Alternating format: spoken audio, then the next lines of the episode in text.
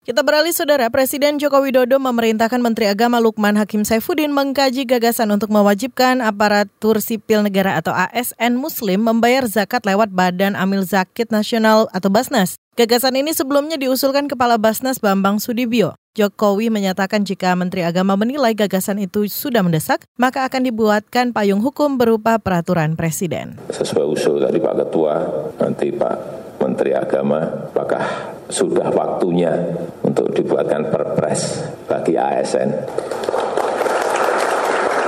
Kalau dianggap sudah perlu ya dorong ke meja saya. Tergantung Pak Menteri Agama. Saudara tahun lalu wacana pengumpulan zakat dari 2,5 persen penghasilan ASN Muslim sempat mencuat. Pemerintah menyebut wacana tersebut untuk memfasilitasi ASN menjalani kewajibannya membayar zakat. Namun publik mengkritik gagasan ini dan menuding pemerintah ingin mencampuri urusan ibadah ASN.